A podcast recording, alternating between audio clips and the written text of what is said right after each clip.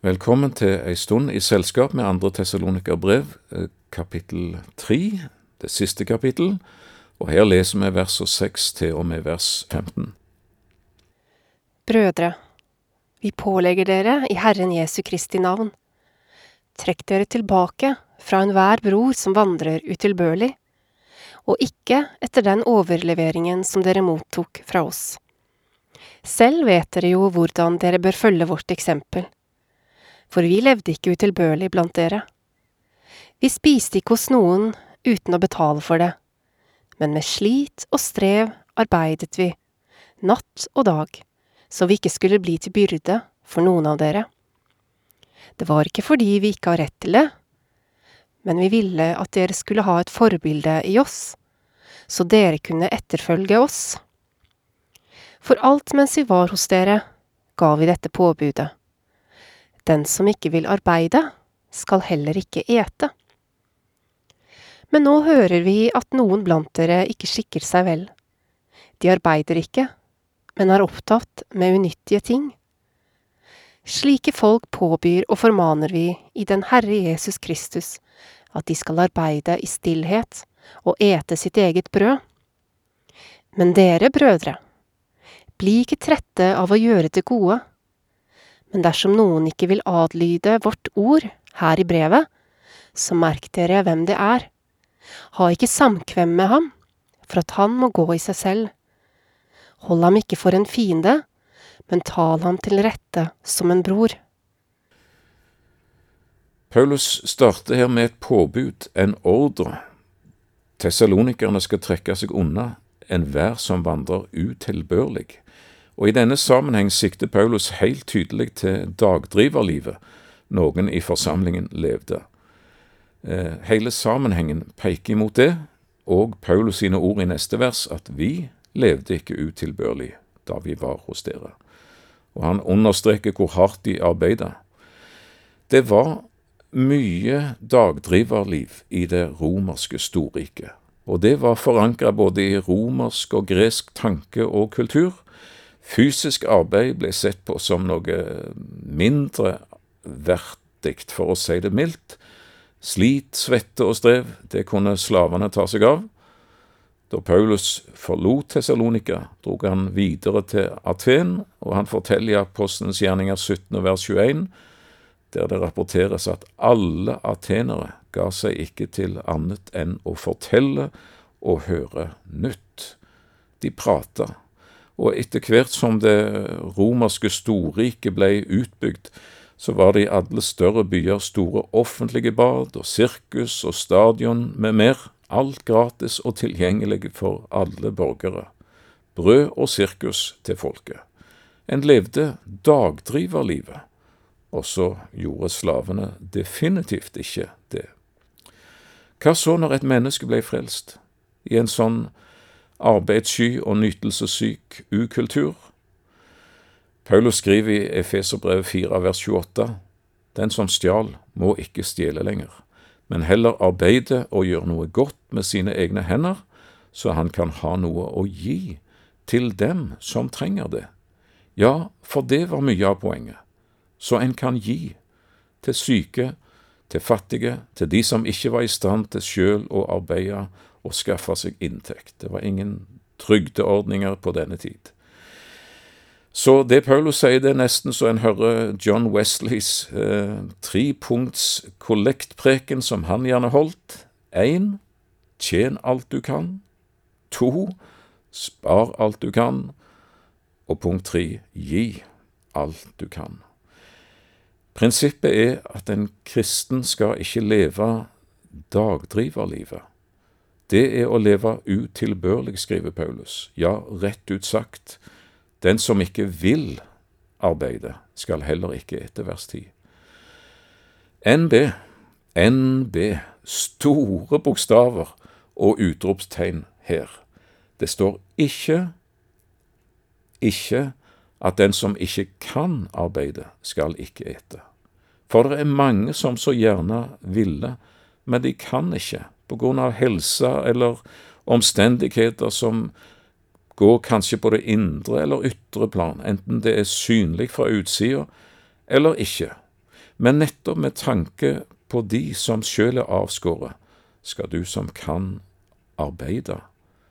Det er den bibelske tanke, fordi du er din brors og din søsters vokter og beskytter, så sant en kan, så sant en er i stand til det, lønna eller ulønna, på den ene eller andre måte, prøv å gjøre noe nyttig, prøv å gjøre noe for de neste. Lev ikke det tomme, det sjølopptatte, egosentriske dagdriverlivet. Det er sterke ord vi eh, leser her. Merk dere hvem som nekter å adlyde dette, sier Paulus, og har ikke samkvem med ham. For all del, anse ikke han som en fiende, men som din bror, som du må snakke alvorlig med, vers 15, med den hensikt at han skal gå i seg sjøl og snu ryggen til det usunne dagdriverlivet, som er unyttig, vers 11. Paulus eh, spesifiserer litt nærmere i første Timotius brev, 5 og vers 13. De lærer seg lediggang, ikke bare går de ørkesløse, men de farer også med sladder og legger seg bort i andre saker og snakker om slikt som ikke passer seg, fordi de har tid til alt dette. Gjør noe nyttig i stedet, oppfordrer Paulus. For de neste Paulus bruker seg sjøl, eh, Silas og Timotius, som eksempler i vers 7-9. De strakk seg lenger enn de var pliktige. Paulus understreker ellers, både her og andre plasser, at de som forkynner evangeliet, de skal leve av det. Sjøl avsto han fra denne rett og dobbeltarbeida, som forkynner og som teltmaker. Slett ikke alle har kapasitet til det, men Paulus hadde. Og uansett, Sky dagdriverlivet, egolivet. Prøv å finne din vei. Gjør det du kan. Så er hovedsaken i Tessalonikerbrevene Jesu gjenkomst. Og hvordan skal en kristen leve i ventetida, mens vi venter Jesus? Det kan jo absolutt stemme, som mange bibeltolkere mener, at noen i Tessalonika hadde nærmest kristeliggjort sitt dagdriverliv. Hvorfor bry seg om å arbeide? Jesus kommer jo snart igjen, så hva er poenget? Jeg husker en flammende preken jeg hørte en gang. Hva ville du gjort om du visste at Jesus kom igjen i morgen? En ransakende preken om å vie sitt liv til Jesus og til sjelevinnertjeneste. Ja og amen til det.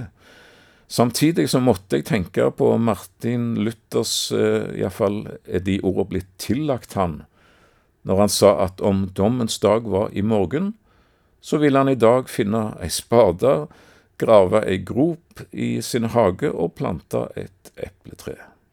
Nå levde Martin sitt hverdagsliv, fullt opptatt av å forkynne og utbre Guds ord, for å vinne mennesker for Jesus. Men jeg har sans for dette praktiske, dette livsnære. Altså punkt én vent Jesus hver tid og stund. Punkt to samtidig lev og planlegg langsiktig, som om Jesu gjenkomst var langt fram i tid. Da Israel ble bortført til Babylon, ga profeten Jeremia klar beskjed. Dette er for ei kort tid, så kommer Herren og fører dere hjem igjen. Hva skulle Israel så gjøre i ventetida, mens de venta Herren? Tvinne tommeltotter? Jeremia 29 og vers 4 og videre sier, Så sier Herren, herskarenes Gud, Israels Gud, til alle dem jeg har ført bort fra Israel til Babel, bygg hus og bo i dem. Plant hager og spis deres frukt. I parentes, det er vel her Martin Luthers epletre kom inn. Og videre, ta dere koner og få sønner og døtre. Bli tallrike, søk den byens velferd som jeg har bortført dere til, og be for den til Herren, for når det går den vel, så går det dere vil. La dere ikke narre av profeter og spåmenn.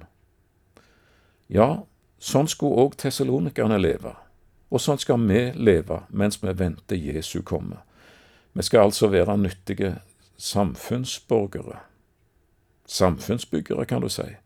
Og rent historisk fra begynnelsen av, hvilken betydning har ikke kristendommen hatt for uh, samfunnsbyggingen?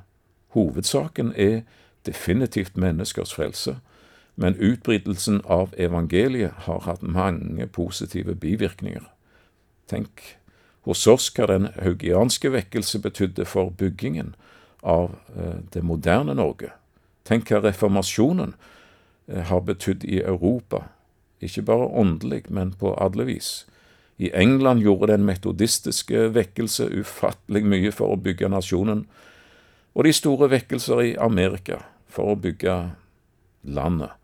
I sin tid så sto bedriftseiere i kø for å få vekkelsespredikanten Billy Sunday til sine byer, ikke fordi de hadde så stor omsorg for sine ansattes åndelige ve og vel, men fordi i vekkelsens fotspor gikk produksjonen til værs. Kurvene steg bratt, mens fyll og spetakkel, slåssing og elendighet gikk markant ned. Og dette var jo et vitnesbyrd om Jesus. Det var nye mennesker. De sa ikke bare nye ord, men de levde et nytt liv. Og Titus 2, vers 14 sier, Han som gav seg selv for oss, for å løses ut fra all lovløshet og rense for seg selv et eiendomsfolk som med iver gjør gode gjerninger. Her oppmuntrer Paulus oss i vår tekst, vers 13, bli ikke trette av å gjøre det gode. Så er kristendommen og kristentroen meget praktisk. Jeg har ei tjeneste stor for Gud, fra dag til dag i det stille, synger Mathias Orheim. Eh, heimen han er min kyrkje, og arbeidstrøya vert presteskrut i alt mitt ærlige yrke. Dette er det Paulus skriver om i vårt kapittel hverdagskristendom. Så får vi for Jesus skyld leve vårt liv under nåden. Kan du tenke deg noe finere enn det? Å få leve sitt liv i samfunn med Jesus Kristus hver eneste dag. Det er stort. La oss så motta de avsluttende vers uten kommentar og Herrens velsignelse i vers 16 til og med vers 18. Må Han selv, fredens Herre, gi dere fred, alltid og på alle måter. Herren være med dere alle. Hilsen med min Paulus hånd. Dette er et tegn i hvert brev. Slik skriver jeg. Vår Herre Jesu Kristi nåde være med dere alle.